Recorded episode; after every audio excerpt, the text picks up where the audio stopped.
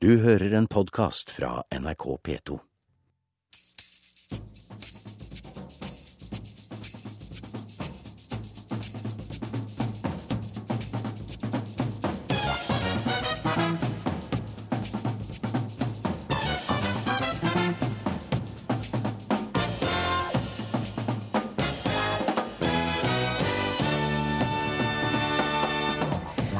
Arrene på kroppen er fortsatt synlige, forteller Renate, som ble mishandlet som barn. Jeg husker på en måte episoder som skjedde, og spesielt det når jeg ble slengt inn i en glasseksjon. Det husker jeg. For mange saker henlegges, sier Kripos-etterforsker. Leder i rusorganisasjonen Mina Gerhardsen, møtt med netthets etter anti-hasj-kommentar, møter sosiologiprofessor til debatt. Og bønder har fått nok av skittkastingen i Senterpartiet. Rydde opp i møkka, ja. Det er de nødt for nå. Fjøs om cards, mener politisk redaktør i Dagbladet. Hei og velkommen til ukeslutt. Jeg heter Ingvild Edvardsen og håper du har en fin lørdag. I dag kan du høre oss i P1 og P2 fram til ti over ett. Etter det sender vi bare i P2 pga. Paralympics. Først nå et nyhetssammendrag ved Marit Selmer Nedrelid. Det savnede flyet fra Malaysia Airlines ble trolig kapret, ifølge myndighetene i Malaysia. På en pressekonferanse i morges sa statsministeren at det var noen om bord som koblet ut kommunikasjonsutstyret med vilje før flyet endret kurs. Og han sa også at flyet kan ha vært mange timer i luften etter at det tok av, og endt opp langt utenfor leteområdet. Besetning og passasjerene i flyet blir nå etterforsket, og politiet har gjennomsøkt huset til kapteinen om bord.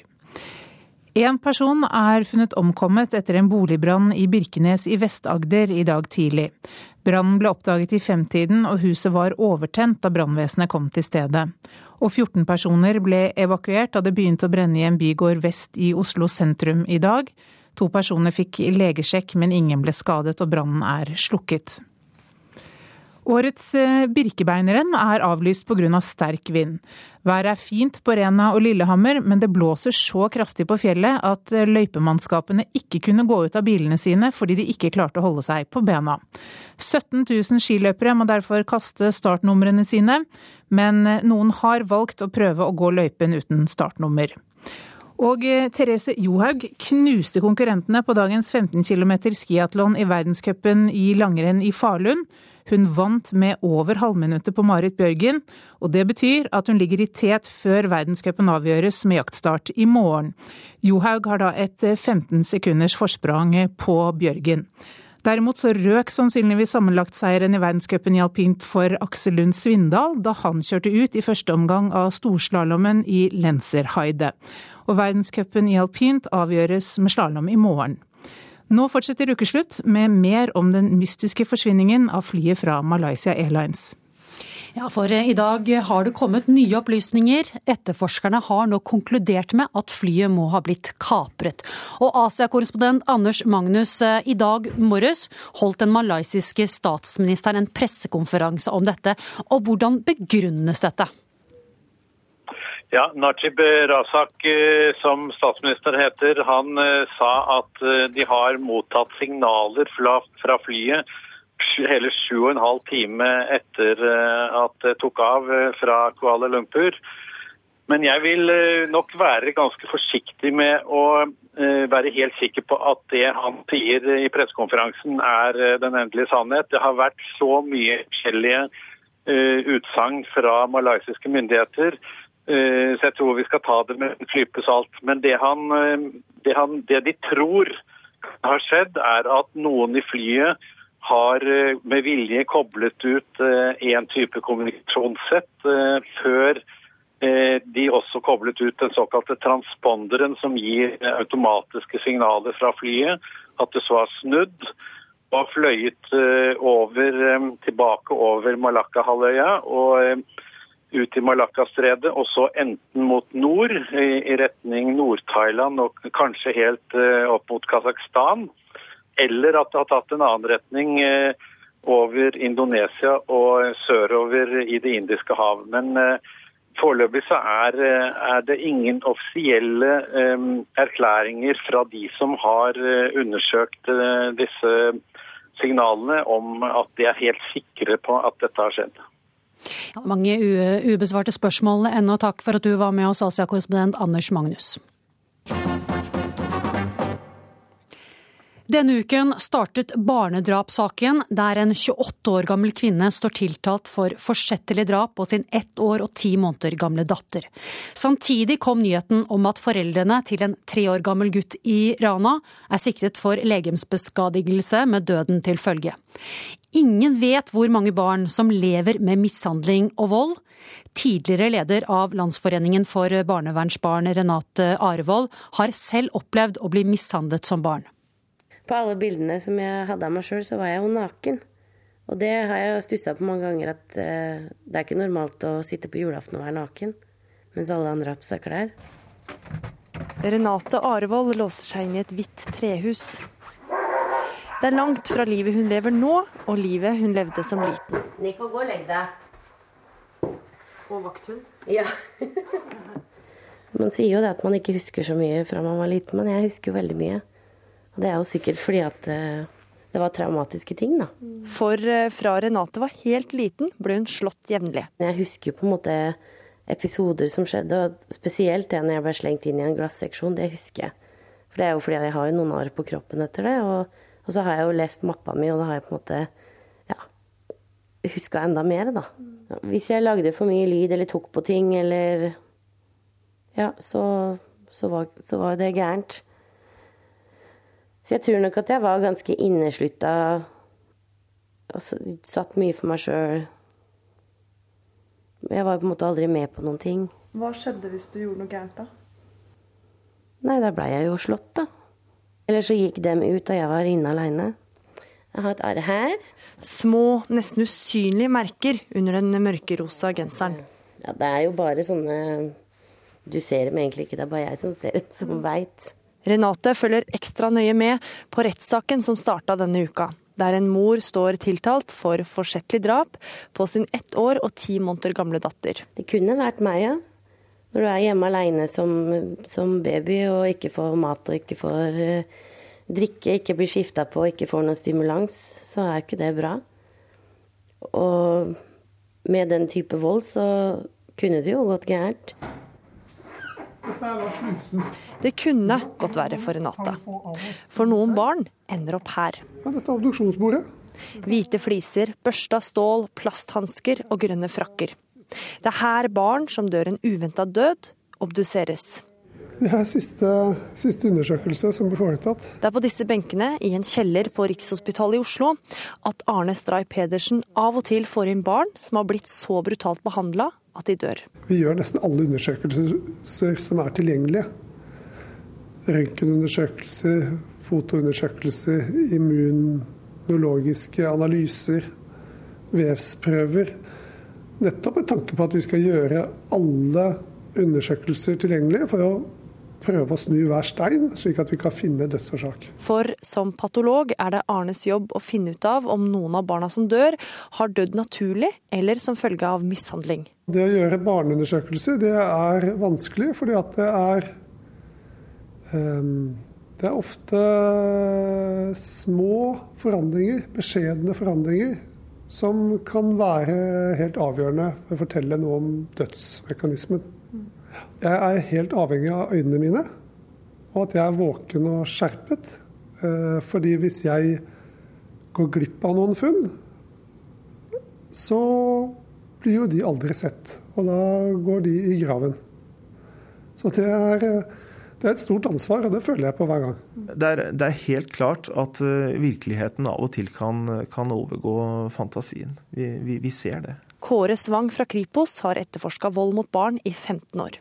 Du kan finne tre-fire gamle skader på barn som er bare fire-fem måneder gammel. Eh, alvorlige bruddskader som har grodd til av seg sjøl. Så er det på en måte sånn at du, du, du tror ikke at det har vært mulig, men faktaopplysningene gjør at du likevel er nødt til å tro på det. Også for politiet er det vanskelig å komme til bunns i saker som involverer barn. Vi pleier vel å si at disse sakene til dels er enkle fordi det er få Eh, potensielle gjerningspersoner. Men samtidig så er det utrolig vanskelig å vite er det mor, er det far, er det kan vi utelukke en tredje person, f.eks. En, en besteforelder eller en barnepike. Ifølge Kripos drapsstatistikk er det de siste ti åra registrert 23 drap på barn under 15 år i Norge. Men tallet inkluderer bare overlagte eller forsettlige drap, og ikke legemsbeskadigelse med døden til følge. Det er nok for mange saker som blir henlagt eh, fortsatt, og det har med kompleksiteten å gjøre, altså. Det, det, eh, fordi sakene er vanskelige, og, og nå er det jo engang slik at eh, det skal være Altså, du skal være sikker på å kunne dømme noen. Du skal være sikker på at eh, den som er sikta eller tiltalt i saken, virkelig har gjort noe galt. Og av og til er volden så grov at det bare er tilfeldigheter at det ikke ender med drap. Det er, jo, det er jo, ofte en veldig eh, liten eh, forskjell på om barnet dør eller eh, overlever. Eh, skadene kan være store, men kan bli reddet av at det kommer fort til medisinsk behandling. Men, men utgangspunktet når noen behandler et barn som gjør at det får en skade, så vet man ikke hva utfallet kan bli. Jeg tror det er viktig for eh, alle å være klar over at eh, barn utsettes for grov mishandling. Barn utsettes for grov omsorgssvikt i hele landet. Og det skjer i i, i, forskjellige typer hjem. Det er vanskelig å se Det er ikke slik at det er en, en, rød lampe utenfor de husene hvor det skjer. Så de barna er avhengig av, av naboer og av omsorgspersoner utover de nærmeste, som bryr seg, og som eh, ser signalene og tar affære. For det er eneste måten å avdekke sånt før det ender gærent. For Renate var det styreren i barnehagen som ble redninga. Hun var på en måte den ene, den ene personen som stilte opp for meg. De hadde ekstra tøy til meg i barnehagen, dusja meg når jeg kom dit. Hun, ja, hun gjorde på en måte alt i sin makt da, for at jeg skulle bli redda. Mm. Jeg husker når jeg kom i fosterhjem, så var det jo på en måte Da fikk, fikk, hadde jeg på en måte min tannbørsteplass. Jeg hadde Eh, jeg fikk middag hver dag, jeg fikk kveldsmat hele tida. Jeg trengte ikke å gå og være engstelig for å være sulten. Hva hadde skjedd hvis barnehagestyreren ikke hadde stått på for deg? Nei, da Da hadde det nok tatt ganske lang tid før det hadde skjedd noe. Og jeg tenker at eh, ja, jeg hadde sikkert bodd på Plata da, jeg, hvis ikke jeg hadde fått hjelp da. Jeg har aldri snakka med noen barn eller ungdom som sier at hjelpa kom for tidlig. Den kommer alltid for seint. Det var reporter Gry Veiby som hadde snakket med Renate Arevold, og som har laget denne reportasjen.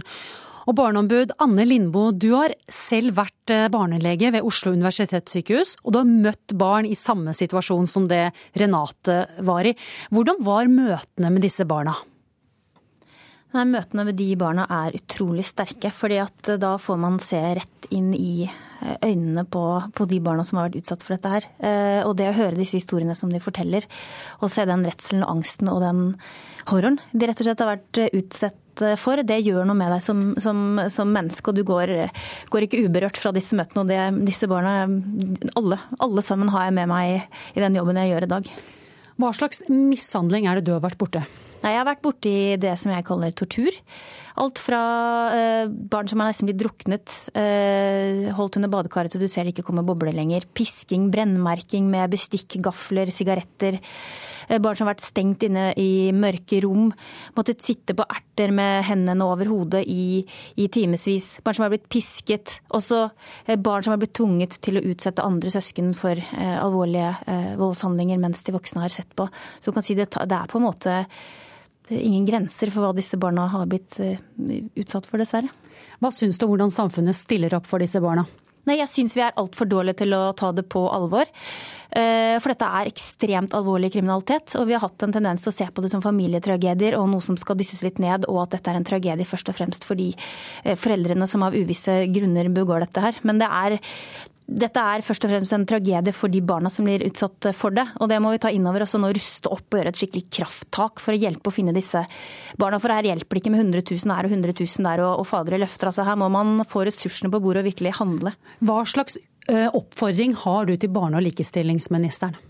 Nei, Først må man se på barnevernet. ikke sant? Så I dag så er det sånn at foreldre har rett til å ikke ta imot hjelp. De kan si nei.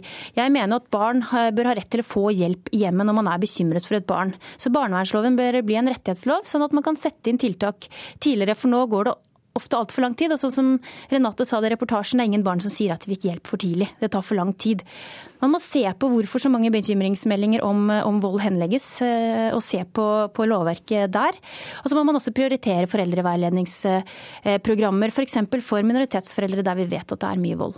Så må man gå på, på helsevesenet. Eh, hun har et ansvar i forhold til å få helseministeren til å eh, ansette nok leger som kan finne disse barna og gjøre gode rettsmedisinske undersøkelser. Takk til deg, barneombud Anne Lindboe. Og vi med oss Solveig Horne på telefon. Du hadde ikke lyst til å gå i debatt om dette. Eh, og mange temaer Anne Lindboe var inne på her. Men eh, hva vil du gjøre med disse oppfordringene? Først og fremst har jeg ingen problemer med å gå i debatt, men nå var jeg bortreist og tar dette intervjuet over telefon. Eh, og Dette er veldig alvorlig, og det som har kommet fram denne uka her. Og vi har alle et ansvar. og det er vel sånn at det er vi ser det ikke før vi tror det. eller sånn, så Det er viktig at vi alle faktisk eh, må i hvert fall se barna. og Spesielt er det viktig at de som jobber med barn til vanlig, både i barnehager, på helsestasjonene og leger som, som får inn barn, så er det så viktig at vi ser og gir de barna hjelp så er det mitt ansvar som, som, barneminister å koordinere en god del av dette arbeidet. For det ligger ikke bare hos meg, det ligger på justisministeren og helseministeren og, og på kunnskapsministeren til å få inn i utdanningen til førskolelærerne til lærerne, slik at de kan i utdanningen blir, får en kompetanse og får kunnskap om hvordan du skal se barn som blir utsatt for vold og overgrep. Kan det være aktuelt å gjøre noe med barnevernloven, som, uh, som Barneombudet er opptatt av?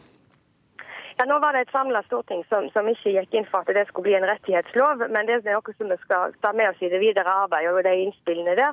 Men samtidig så er det viktig at barnevernsloven nå er en et, du skal ha et forskriftsmessig barnevern. Så alle, alle kommuner har altså en plikt til å drive ha et barnevern som, som er der for barna og hjelper barna til enhver tid. men, men, men hva mener du? Mener, mener du barnevernsloven burde blitt en rettighetslov? Fremskrittspartiet og ikke de andre partiene på Stortinget heller gått inn for en rettighetslov, men jeg skal ta de innspillene med meg i det videre arbeidet når vi skal se på hvordan vi kan gjøre barnevernet videre eh, bedre. Men samtidig så må vi huske på at nå i det daglige så har barnevernet i kommunene en plikt til å gripe inn når de får bekymringsmeldinger fra både helsestasjonene og fra barnehagene om å hjelpe de barna. Og Der har vi alle en oppgave. Vi skal, de som jobber med barn må se det, og vi som myndigheter må da ivareta og sette hjelpe, hjelpetiltakene i stand til å se Da må vi avslutte. Takk skal du ha, barne- og likestillingsminister Solveig Horne. Du hører en podkast fra NRK P2. I dag skulle 17 000 langrennsløpere gått fra Rena til Lillehammer i årets Birkebeinerrenn. Men i morges ble rennet avlyst pga. Av uvær eh, i fjellet. Skuffede deltakere ankom mål i Lillehammer i buss i stedet for på ski.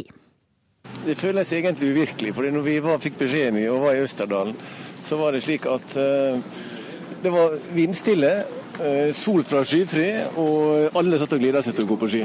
Og så får vi beskjed om at det er avlyst pga. Av uh, at det er storm i Kasta. Det kunne ikke vi tro i det hele tatt. Veldig, veldig skuffa. Skulle gå for første gang i dag og hadde store planer om å gå fort over fjellet. Og var veldig spent. Veldig trist. Nei, det er jo kjedelig. Det er jo noe man har trena til eh, helt siden i fjor. Eh, vi skulle gå sammen for første gang, så, eh, så det er klart det er en liten strekk i regninga. Men det er jo fantastisk fint vær her, så vi drar opp på Sjusjøen og går på ski, tar en skitur isteden. Vi er skuffa, men vi skjønner jo hvorfor. Når det er så mye vind, så regner jo med at de gjør det rette. Veldig skuffa. Du har liksom lagt ned litt tid og krefter og trening og reist langt. Kjørte tolv timer i går. Ja, det kjennes så det er. Jeg åkte opp fra Göteborg i går og våknet og tittet ut og så at det var så fantastisk fint vær. Jeg visste det skulle blåse en del, men jeg trodde noen skjemta med meg når, når jeg fikk klart for meg dette, så det kjennes litt snopet. Nei, det var ingen eh, spøk, og mange var naturligvis veldig skuffet i dag. Olav Viksmo Slettan, du står i målområdet i Lillehammer, der det er ganske tomt nå. Her er det vel egentlig helt tomt. Det er noen eh, skiløpere som har bestemt seg for å gå en liten skitur i de fine spora her på Birkebeineren skistadion. For her er det fint vær, men oppe på fjellet, der er det helt uh, forferdelig. Unnskyld. Der er det så sterk vind at vi hørte i stad at en av løypekjørerne ikke gikk ut av løypekjøringsmaskina. Det tok han ikke sjanse på. Tone Lien fra arrangøren, da er det smart å avlyse? Ja, Det er helt uforsvarlig å ha 15 000-16 000 mennesker over fjellet i det været som er i dag. Altså. Mm. Hva med de mange tusenene som har stått på Rena og fikk beskjeden om at det var avlyst? Jeg tenker at de har hatt litt av den samme følelsen som jeg har hatt i dag òg, at det var fryktelig, fryktelig trist. Og så ser man litt ut av, ser ut der er på Rena på Lillehammer, så ser det jo veldig fint ut. Man kan nesten ikke tro at det er sånn vær på fjellet. Men jeg håper eh, og tror at de aller fleste skjønner at det er helt uforsvarlig å være ute i 20-25 meter hver sekund, og kanskje 5-26 minus eh, effektive. Mm. Men likevel så er det altså noen løpere som har valgt å gå fra Rena som vil ta seg over fjellet. Hva med dem, kan dere garantere for sikkerheten de skulle ta seg? Jeg syns de tar en ganske stor sjanse, og de setter også våre mannskaper i en eh, vanskelig situasjon. For det er jo sånn at nå pakker jo vi ned alle posisjoner, alle sanitetsposter, matstasjoner og alt sånt er jo på vei ned. Så de som går nå, de går jo på eget ansvar. Og det kan jo være da at en sanitetspost som hører dette her, blir ute i lenger. Kanskje begynner de å fryse, kanskje kommer de også i en farlig situasjon. Så det syns jeg er eh, Jeg syns det er ordentlig trist. For de setter ikke bare seg selv i fare, men også andre mennesker. Vi har en uh, svensk kar her som har startnummer. Du skulle ha gått Birkebeinerrennet i dag. Nå, står du, nå står du og smør skia. Du har tenkt deg en liten tur, du da? Jo, jo, jo. Man må jo ut og røre på seg litt. Man har jo ladet opp med masse ekstra mat og sådär och har masse överskottsenergi.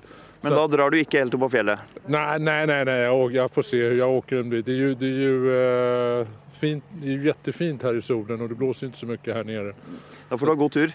Ja, takk. takk, takk. Da ønsker vi svensken lykke til og håper han har smurt med medvind. For oppe på fjellet, der skal han ikke være. Der er det kraftig vind og Birkebeinerrennet altså avlyst. Ja, takk til deg, Olav Vikmo Slettan. Vi får håpe at de som ikke skal gå, kan kose seg litt og få en påskefølelse med solen som er i lavlandet. Du hører en podkast fra NRK P2. Nå skal det handle om møkkakasting i politikken. Den populære TV-serien House of Cards handler om maktkamp i politikken i USA. Og de som har fulgt med, har kunnet se hvordan hovedpersonen Frank Underwood ikke nøler med å tråkke over lik for å komme seg oppover i det politiske systemet.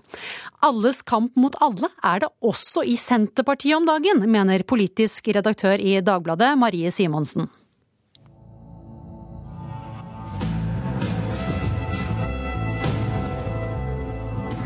Senterpartiet trenger en ny leder som kan samle partiet.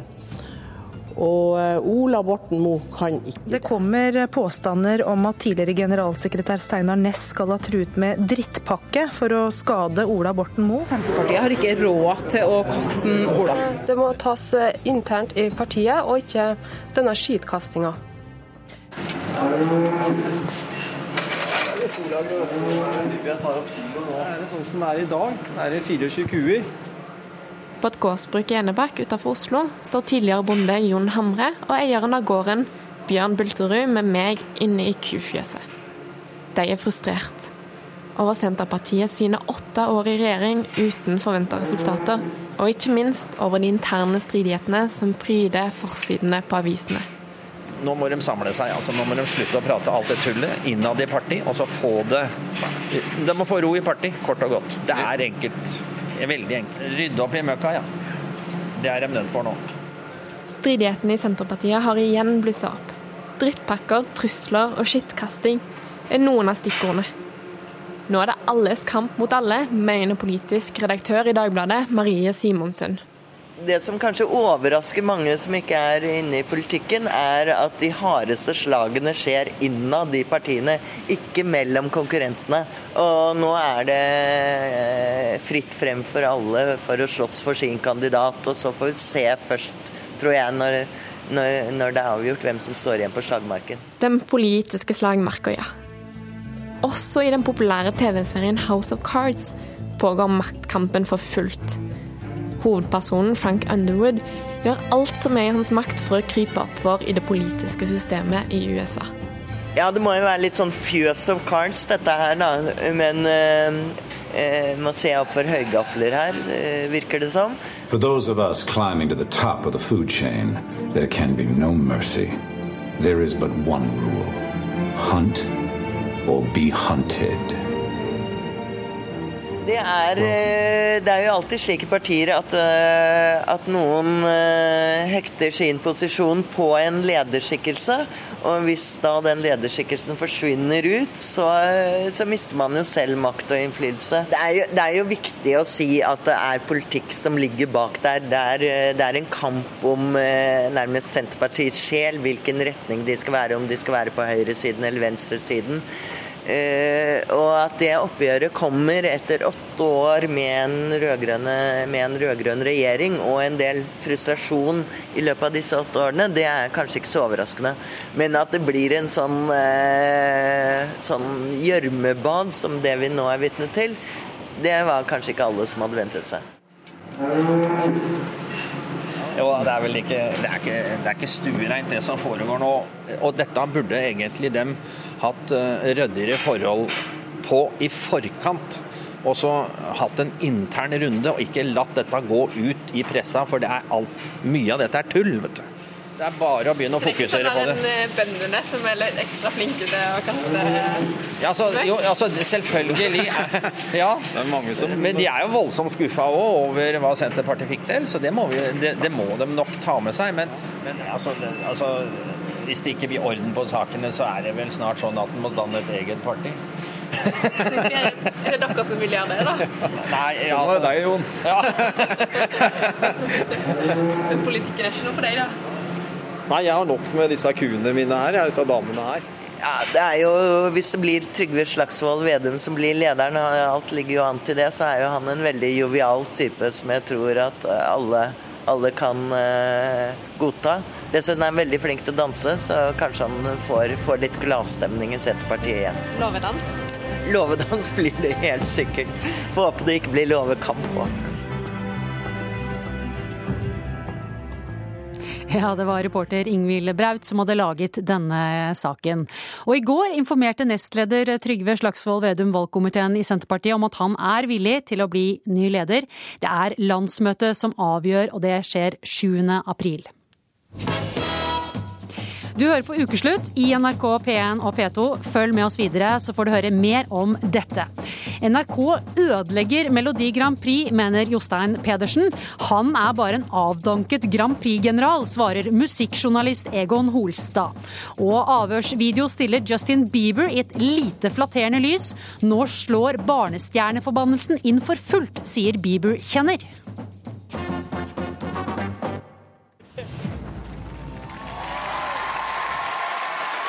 Melodi 2, Mo med Heal. Take your time to heal. you know it's not Her hørte du artisten Mo som skal delta i finalen i Melodi Grand Prix i kveld med låta Heal. NRK har måttet tåle mye kritikk i uken som har gått etter delfinalene. Flere hundre seter sto tomme på Folketeatret, og seertallene var de dårligste på mange år. Jostein Pedersen, du har vært Grand Prix-kommentator, og du er en av kritikerne. Hvordan var det å se på? Jeg syns det er ganske stusslig. Jeg synes det, du vet, det er som å forandre værmeldingen eller å forandre eh, Dagsrevyen eller forandre et ritual og en slags liturgi som eh, i dette tilfellet tilhører verdens største fjernsynsshow, Melodi Grand Prix, som har eksistert i 58 år. Det er en eh, dramaturgi og det er en slags kontrakt eh, man har med publikum hjemme i stua som ser på dette her, og de som sender. Altså Det skal være litt pomp og prakt, og det skal være programledere, og det skal være mange uh, forskjellige sanger i forskjellige sjangre og i forskjellige uttrykk som skal komme som perler på en snor. Så skal det være et heidundrende uh, pauseinnslag, og så skal det være en nervepirrende avstemning.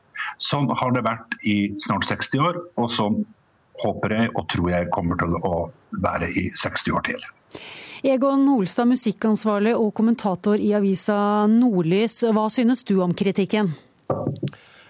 Nei, jeg har da I likhet med Johnsen Pedersen har jeg ikke sett på Han sa det var tre semifinaler. Nå lærte jeg vel på skolen at det kun kan være to, to semifinaler, så det var vel tre sånne delfinaler. Jeg, jeg, så da ingen av dem, for jeg er jo da eh, faktisk veldig glad i musikk. Eh, og er, veldig, er, man veldig glad i musikk, så er ikke Grand Prix det du nødvendigvis bruker mest eh, tid på. Som selvfølgelig er en, er en smakssak.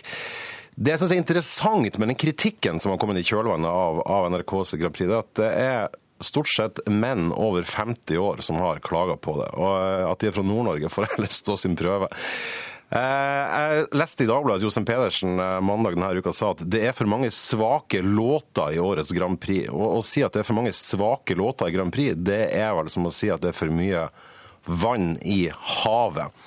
Grand Prix har jo aldri vært en scene for bra musikk. Nå har heller vært en scene for tant og fjas og fine kjoler og artige, halvgode på sitt aller beste låter som, som har dødd ganske fort ut etterpå. Så det her savnet etter kvalitet i Grand Prix det har jeg rett og slett litt vanskelig for å ta på, på alvor. Så får heller Jostein Pedersen bære med meg. Ja, Egon Holstad, tror du det er sånn at synkende seertall bare er en reaksjon på at nå begynner folk å forstå? Jeg håper jo at dette er et eh, uttrykk for at folk er interessert i musikk, og i så måte så er jo dalende seertall på Melodi Grand Prix noe man kan se på som en slags sånn musikalsk darwinisme, der eh, det som nå da dør ut, er noe som kanskje ikke har livets rett, og der man bare må innse at skal man høre skikkelig god musikk, så må man kanskje gå til andre kanaler enn akkurat NRK når de sender Melodi Grand Prix. Ja, Jostein Pedersen, hvorfor skal vi høre på menn over 50 som tidligere har vært Grand Prix-kommentatorer? Ja, nå har jo vi akkurat like mye talerett som både yngre og eldre. Så, så jeg syns vel at det aller ikke akkurat er noe poeng her, altså. Men jeg tror vi prater litt forbi hverandre. Altså, min innsigelse er jo det dramaturgiske, altså det man gjør ut av et TV-show. Og innholdet, det tror jeg det går litt sånn opp og ned fra år til år. Og også interessen. Altså Når et program har eksistert i så mange år, så er det jo ikke samme interesse år etter år etter år. og Det syns jeg er helt naturlig. Og, og det er klart, alt er jo ikke like bra. Og jeg må jo si det var vel kanskje det som som gjorde det interessant og veldig artig i den tida jeg holdt på. At det var faktisk var lov til å si at nei, alt er faktisk ikke like bra. Men Josse, Josse Pedersen... Nå, nå sang du surt, og det må vi få lov til å si. Og det som er sjarmen med Melodi Grand Prix, det er jo at alle sammen får lov til å si sin mening, enten du er over eller under 50 år. Men Jose Pedersen, du sier jo det at, uh, at å tukle med på en måte denne, denne formen til, til, Melodi Grand Prix er det, samme som, det samme som å forandre værmeldinga. Og det, det, er jo interessant uh, at du da, du da egentlig er en sånn fyr som i overført betydning da savner at Vidar Theisen står og snurrer på en sånn her analog eh, terning, diger terning i studio. Verden forandra seg også for, for, de over 50 år. og Det var ikke alderspoenget mitt mot deg som, som, som var ment negativt, men det er morsomt at kritikken har kommet fra Jostein Pedersen, tidligere eh, programleder for NRK, eller kommentator som ikke får lov å være det lenger. Den har kommet fra Per Sundnes, som har slutta. Og den har kommet fra, fantastisk nok, fra Kjetil Stokkan, som da deltok i Melodi Grand Prix to ganger. Og sist gang var i 1990, da han ble sist, og altså var den aller dårligste bidragsyteren i hele Europa. Og når denne mannen da kritiserer det kunstneriske utforminga og det, kulturelle nivået på Melodi Grand Prix, så er det det samme som at Eddie the Eagle skulle ha kritisert nivået på, på hoppuka. Ja, Hva har du å si til det, Jostein Pedersen? Nei, ikke noe annet enn at jeg må jo få lov å ha min mening, jeg også som alle andre. Og det er jo ikke bare jeg som sier det. altså Sviktende seertall betyr vel at det er mange andre som sier sin mening på, på sin måte. Egon Olstad, du er ikke noe Grand Prix-fan, men likevel, tror du måten å beholde seerne på er å bevare dramaturgien sånn som det var, og ikke bevege seg mot andre talentshow? Jeg synes jeg at uh, Melodi Grand Prix sitt musikalske nivå får Idol og hver gang vi møtes, og Bit for bit, og se og høres ut som en blanding av Øya og Roskildefestivalen. Så sånn akkurat Akkurat der vet jeg ikke hva man, hva man, skal gjøre. Jeg tror på en måte ikke den musikalske kvaliteten er, er det som definerer suksesskriterien til, til, Grand Prix. Og, der er vel Jostein Pedersen og jeg faktisk litt, litt rørende enig, i motsetning til hverandre. Men, men, men jeg, jeg, mener at altså, vi, er, vi, er, verdens rikeste land. og Kan vi heller ikke bare få satt opp en egen post på statsbudsjettet der vi kan hjelpe de her deltakerne med rene pengeoverføringer uten at de altså, så de slipper å drite seg ut på primetime TV. At de bare gir de penger for å, for å slippe. For historien viser jo at en deltakelse i Melodi Grand Prix nesten er ensbetydende med at man har gitt opp alle andre forsøk på å stable karriere på beina, og at karrieren din er som regel i grus etterpå. Ja, Til slutt, eh, i kveld er det jo finale. Kommer dere til å finne fram chips og cola, og slenge dere på sofaen eh, for å se på? Melodi Grand Prix er det samme for meg som fiskepinner. Jeg vet at det finnes der ute, og jeg vet at folk konsumerer det. Og jeg forsvarer til og med folk sin rett til å spise så mye de vil av det, samtidig som jeg forbeholder meg retten til å ikke ta i det med ildtang. Så nei, jeg skal kose meg med helt andre kulturelle innslag. Hva med deg, Jostein Pedersen? Ja, Hos meg er det selvfølgelig flaggdag. Jeg skal være vert for eh, Grand Prix-quiz og Grand Prix-disko. hvor Vi skal se den norske finalen. Det har vært utsolgt hus i ukevis allerede. Så kos deg med fiskepinnene, Egon, så skal vi ha det. Det var de jeg ikke skulle kose meg med. Jeg unner deg all, jeg unner, jeg unner deg all kosen du kan få med Grand Prix, Jostein. Virkelig av hele mitt hjerte, så lenge jeg slipper å være med på det. Og det er det flere hundre tusen andre nordmenn som også skal gjøre i kveld. Kose seg med Grand Prix. Takk for at dere var med i Ukeslutt, begge to. Nå blir det sport i P1 med 30 km skibytte for herrer fra Falun. Ukeslutt fortsetter i P2, og der er det hasj det dreier seg om. Altså, jeg vil jo helst at hasj skal være ulovlig. Jeg tenker at uh Enhver er en fri sjel og må strengt tatt kunne få lov til å gjøre det med kroppen sin som man har lyst til. Men jeg skjønner også at uh, man må regulere det for at det ikke skal skli helt ut. Det er Stikk motsatt. For at hasj det er jo et narkotikum, og, og det er forbudt. Og alkohol er det lovlig. Og det skal det være, mener jeg. Eh, så jeg vet jo litt om måte, skadene av både det ene og det andre. Og alkohol har jo faktisk eh, mer senskader og sånne ting enn nødvendigvis cannabis har. Jeg syns hasj burde vært lovlig foreskrevet av lege. Jeg tar meg en joint av og til sjøl òg, og jeg kjenner andre som gjør det. Og klarer helt fint å kombinere det med alt annet.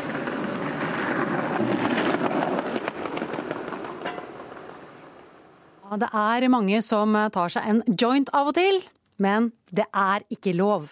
Debatten om legalisering av hasj har blusset opp, også på NRKs debattsider Ytring. Og Mina Gerhardsen, du er generalsekretær i Aktis, som er en paraplyorganisasjon for rusfeltet. Hvorfor bør hasj være forbudt? Vi mener at et forbud er viktig av særlig to grunner. For det første setter det en sosial standard. Det er viktig for at folk velger å prøve eller ikke, eller bruke eller ikke. For det andre så bidrar det til å hindre tilgang. Og det vet vi fra all rusforskning, at økt tilgang gir økt bruk. Og økt rusbruk gir økt russkade. Derfor ønsker vi å opprettholde dette forbudet.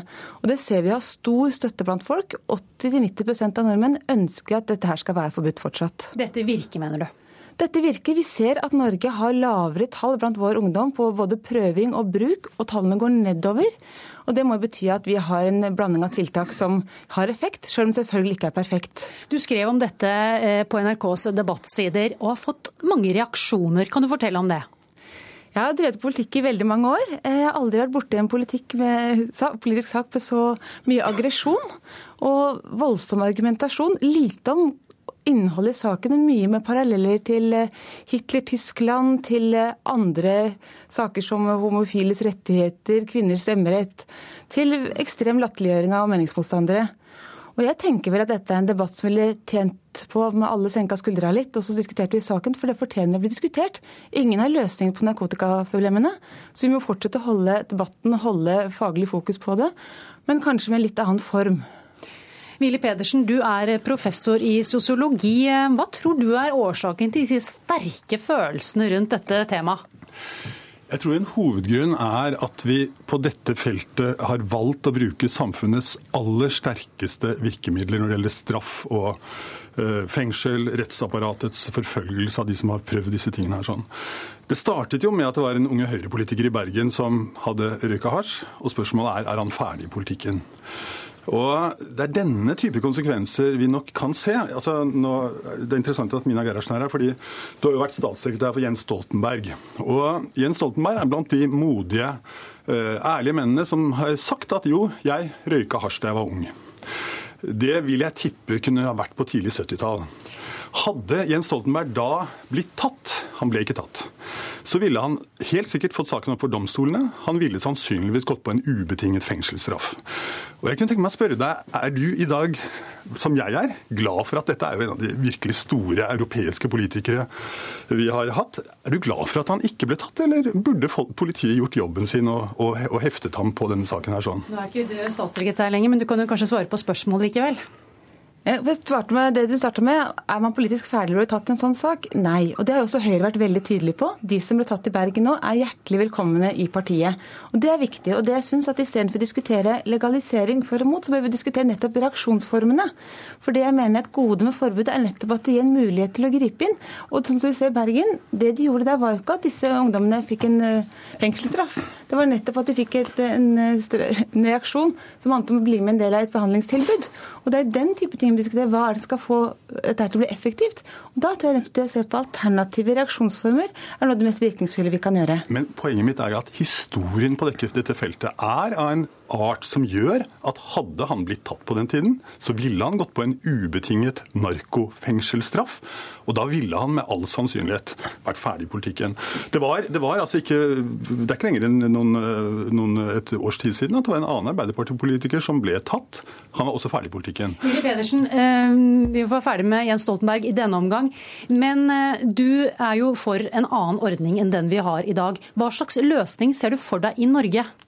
Altså I Norge så tror jeg vi kommer til å gjøre det de gjør i hele verden for øvrig. De kommer til i første omgang å, å redusere straffesanksjonssystemet. Man kommer til å da gå inn på nedkriminalisering, altså at det blir mindre straffer. Og I Norge så er jo faktisk situasjonen den fortsatt at du kan få 21 års fengsel for import av cannabis til Norge, som i dag er legalt i USA. Og Det typiske mønsteret her er at en person som ellers driver med vinningskriminalitet, kan få syv-åtte måneder, et år eller noe sånt. Er han borti en narkosak, så kan den straffen det skvette. Det ene er dette med straffenivåer, ja, men du ønsker jo også en eh, nedregulering. Altså en, mer en annen ordning hvor man har et regulert eh, hasjmarked, for å si det sånn. Kan du forklare litt om det? Altså, det er tre begreper. Nedkriminalisering, ned med straffene avkriminalisering, ikke lenger gjør dette straffbart. Det har nå en, ja, stort antall EU-land har gjort dette. Et annet sanksjonssystem. Det tredje og mye mer radikale grepet det ville være å si at få dette inn i et regulert omsetningssystem. F.eks. noe som minner om apotek eller vinmonopol. Og jeg vil si at Det er i dag i Norge ikke aktuell politikk. Mina Gerhardsen, kunne uh, du sett for deg det som en løsning her i Norge, med en sånn uh, blanding av Vinmonopolet apotek der man selger hasj? Poenget er jo at det vil øke tilgjengeligheten. I dag eh, er det få som prøver, få som bruker. Og for de fleste av oss er det litt uklart hvordan man skal få tak i det òg. Hvis det blir tilgjengelig på nærmeste apotek eller vinmonopol, så er det klart at det blir en helt annen tilgjengelighet, en helt annen bruk. Og det kommer jo ikke istedenfor annen rusbruk, det kommer i tillegg. Så vi vil øke rusbruken samla i samfunnet. Vi har, er ikke dette et godt argument eh, at vi holder bruken nede? Ja, altså Vi bør holde bruken nede. Men det er altså to-tre motforestillinger til det Mina Gerhardsen sier. Det første er at vi, det er ikke så åpenbart at denne formen for tilgjengelighet vil øke forbruket. I USA så er det en rekke delstater som har legalisert såkalte medisinske programmer, som i praksis de facto gjør at de fleste kan få tak i det. Veldig uklare sammenhenger om dette øker forbruket. For det andre så er jo de som ofte har stått for denne bevegelsen med legalisering i USA, det er jo faktisk folk innen rettsapparat og strafferett. fordi de vil jo si at... Vi må avslutte debatten der. Til slutt vil jeg spørre dere, Willy Pedersen, har du røyket hasj?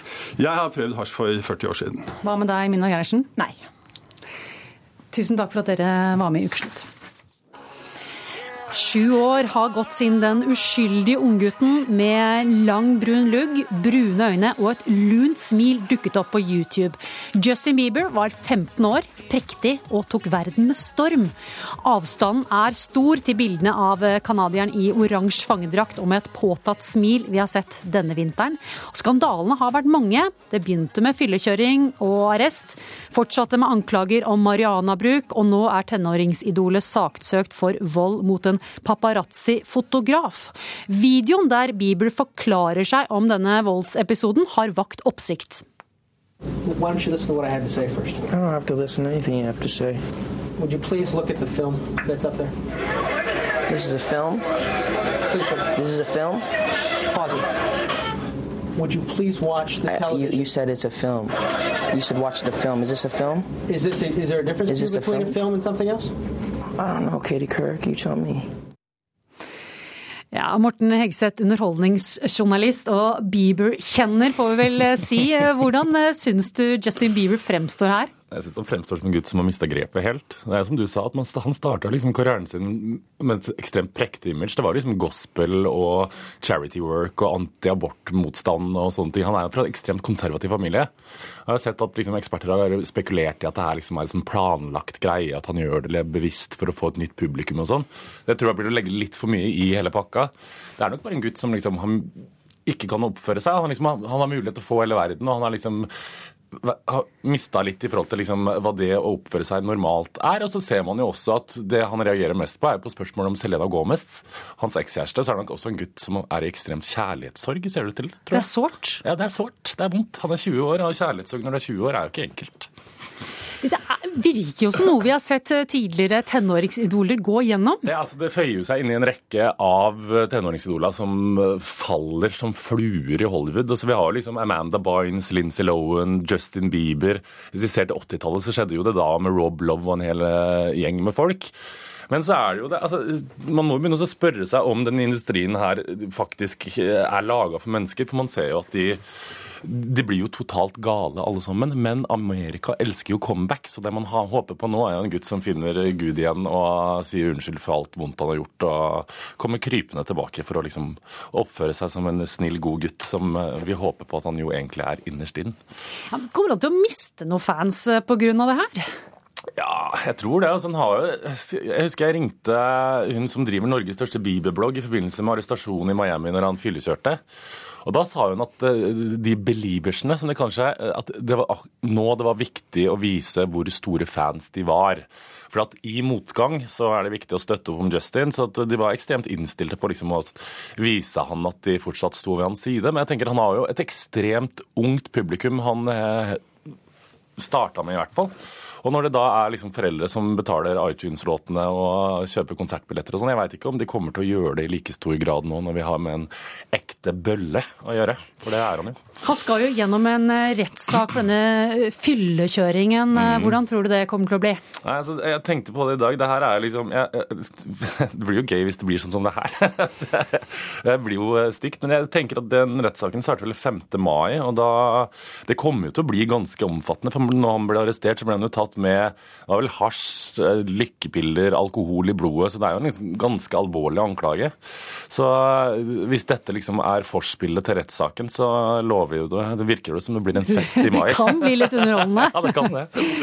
Altså, det har dukket opp en annen gutt på dette tenåringsidolhimmelen, for å kalle det sånn. Isaac Elliot heter han. Han er finsk, og han var akkurat i Norge der han ble møtt av eh, hylende jenter. Hør på dette.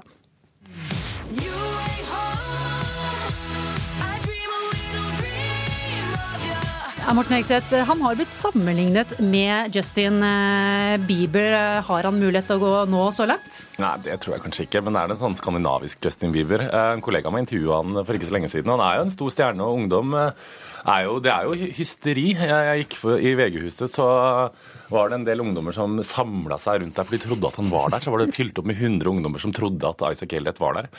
Men uh, jeg, Stor blir han, men Justin Bieber kommer det nok ikke til å bli. Nei. Nei. Vi har fått også en annen gjest inn i studio. Dina Dyna Nigirian, du er fan av Justin Bieber. Så er det jo da spørsmål eh, hvor lenge, hva syns du om det vi har sett eh, i vinter? Det har vært eh, veldig sjokkerende, men samtidig ikke. Eh, I løpet av disse årene så har han jo vært eh, alltid på topp og verdens beste, på en måte. Eh, men selvfølgelig har det vært veldig sjokkerende og faktisk litt trist også. At en du har sett opp så lenge, på en måte blir til på en måte en pøbel. Du syns det er leit? Ja, det er det. Hva slags bilder får du i hodet når du tenker på ditt idol? Ja, for da får jeg til å tenke på at han eh, på en måte danser veldig kult. Han sitter på eh, konserten hans og har han et hjerteformel for eh, der han sitter og spiller gitar for publikum. Og det er det jeg på en måte første jeg tenker på når jeg hører Justin Bieber. Kan han havne i fengsel, da? Det tviler jeg på. Han har såpass mye penger, så jeg tror på en måte han betaler seg ut. Hva vil du synes hvis det skjedde? Det har vært veldig leit. Det hadde vært veldig, vært veldig lei meg. Eh, Det er veldig, selvfølgelig trist å se en du eh, er så stor fan av og ser så veldig opp til, eh, sitte i fengsel. Kommer du til å følge rettssaken mot Justin Bieber? Ja, det kommer jeg. Fra punkt til prikke. Ja, hva tror du skjer med Bieber fremover, Morten? Nei, altså, Det blir vanskelig å si, men jeg bare litt tilbake i forhold til det med barnestjernen. For man ser jo det gang på gang i forhold til grunnen til at han oppfører seg som han gjør, er jo at de som havner i den her barnestjernefella, la oss se på Miley Cyrus, vi har Justin Bieber, vi har eh, alt, Britney Spears, og det har en sånn ekstremt behov for å vise at de blir voksne. For ingen vil jo være barn i starten når du er 20 år, da vil du jo vise at du er voksen og at eh, du ikke eh, at det er mor og far som bestemmer fortsatt. Eh, Så jeg tenker at eh, vi kommer nok til å fortsette å se en Justin Bieber som oppfører seg litt rart. Men det, ja, det blir jo rettssaken blir jo spennende å se. Da. Tror du det fins en grense for fansen? Ja, det tror jeg absolutt. Eh, Og den lurer jeg på om begynner å bli nådd snart. Eller det vet vel du bedre enn hva jeg gjør. Men eh, man er jo i hvert fall lei seg nå. Det, det- Ja, er det noen fare for at du kommer til å kutte han ut? Altså, det begynner å bli litt sånn eh, Nå begynner vi litt lei av at eh, det skjer så mye eh, ja, tull og slike ting. Men eh, selvfølgelig så håper vi fansen at han eh, forbedrer seg og oppfører seg. Det gjør vi. Vi var jo innom Isaac Elliot eh, før du kom eh, inn i, inn i studio. Er det noen sjanse for at han kan erobre plassen i hjertet ditt? Nei, han er veldig søt og veldig talentfull. Men det har alltid vært Justin Bieber. det kommer alltid til å være han. Justin Bieber har jo på mange måter vært kongen av eh, sosiale medier. Han ble jo kjent på YouTube. Hva har det betydd for presset mot han? Presset vet jeg ikke, men det har betydd mye i forhold til at publikum føler et eierskap til han. For han ble ikke oppdaga av et plateselskap og bygd opp der. Han ble bygd opp av eh, kjente folk på YouTube, nei, av folk på YouTube som klikka seg inn og konverserte med han. Så er, eh, det at han starta karrieren sin på sosiale medier, skulle jeg si, har hatt mye å gjøre med at fansene føler et mye større eierskap til han enn hva vi gjorde før med andre popidoler. Så eh, man føler jo nå at det er liksom bestekompisen som har havna i trøbbel og oppfører seg dårlig, og ikke en popstjerne man har et mer distansert forhold til. og Derfor tror jeg også at det her føles ekstremt mye mer personlig for fansen enn hva det gjør med andre artister som har litt mer distanse til fansen sin og folk ute i verden. Tror du vi kommer til å se Justin Bieber i Norge igjen? Ja, det håper jeg, da. Telenor Arena. Jeg var på Telenor Arena når han var her i fjor. Det var tre dager med fest og moro. og Det som er, er jo at fansen hans, er, etter min oppfatning i hvert fall, er veldig sånn Det er ikke noen pøbelgutter og pøbeljenter som har lyst til å se en skitten rockestjerne stå på scenen og oppføre seg dårlig. Det er ganske prektige, fine, sunne, bra ungdommer med vettet i behold. Og jeg tenker, de har ikke lyst på en stjerne som oppfører seg som en badboy bad boy som holder på å falle over eh, stupet, skulle jeg si. Og de skal kanskje du også, Dina. Takk for at eh, dere kom til ukeslutt.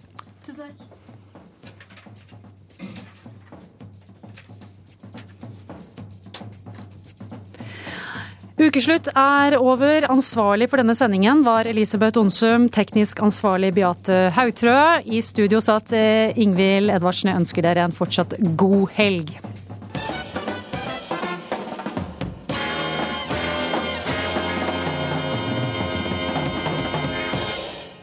Du har hørt en podkast fra NRK P2.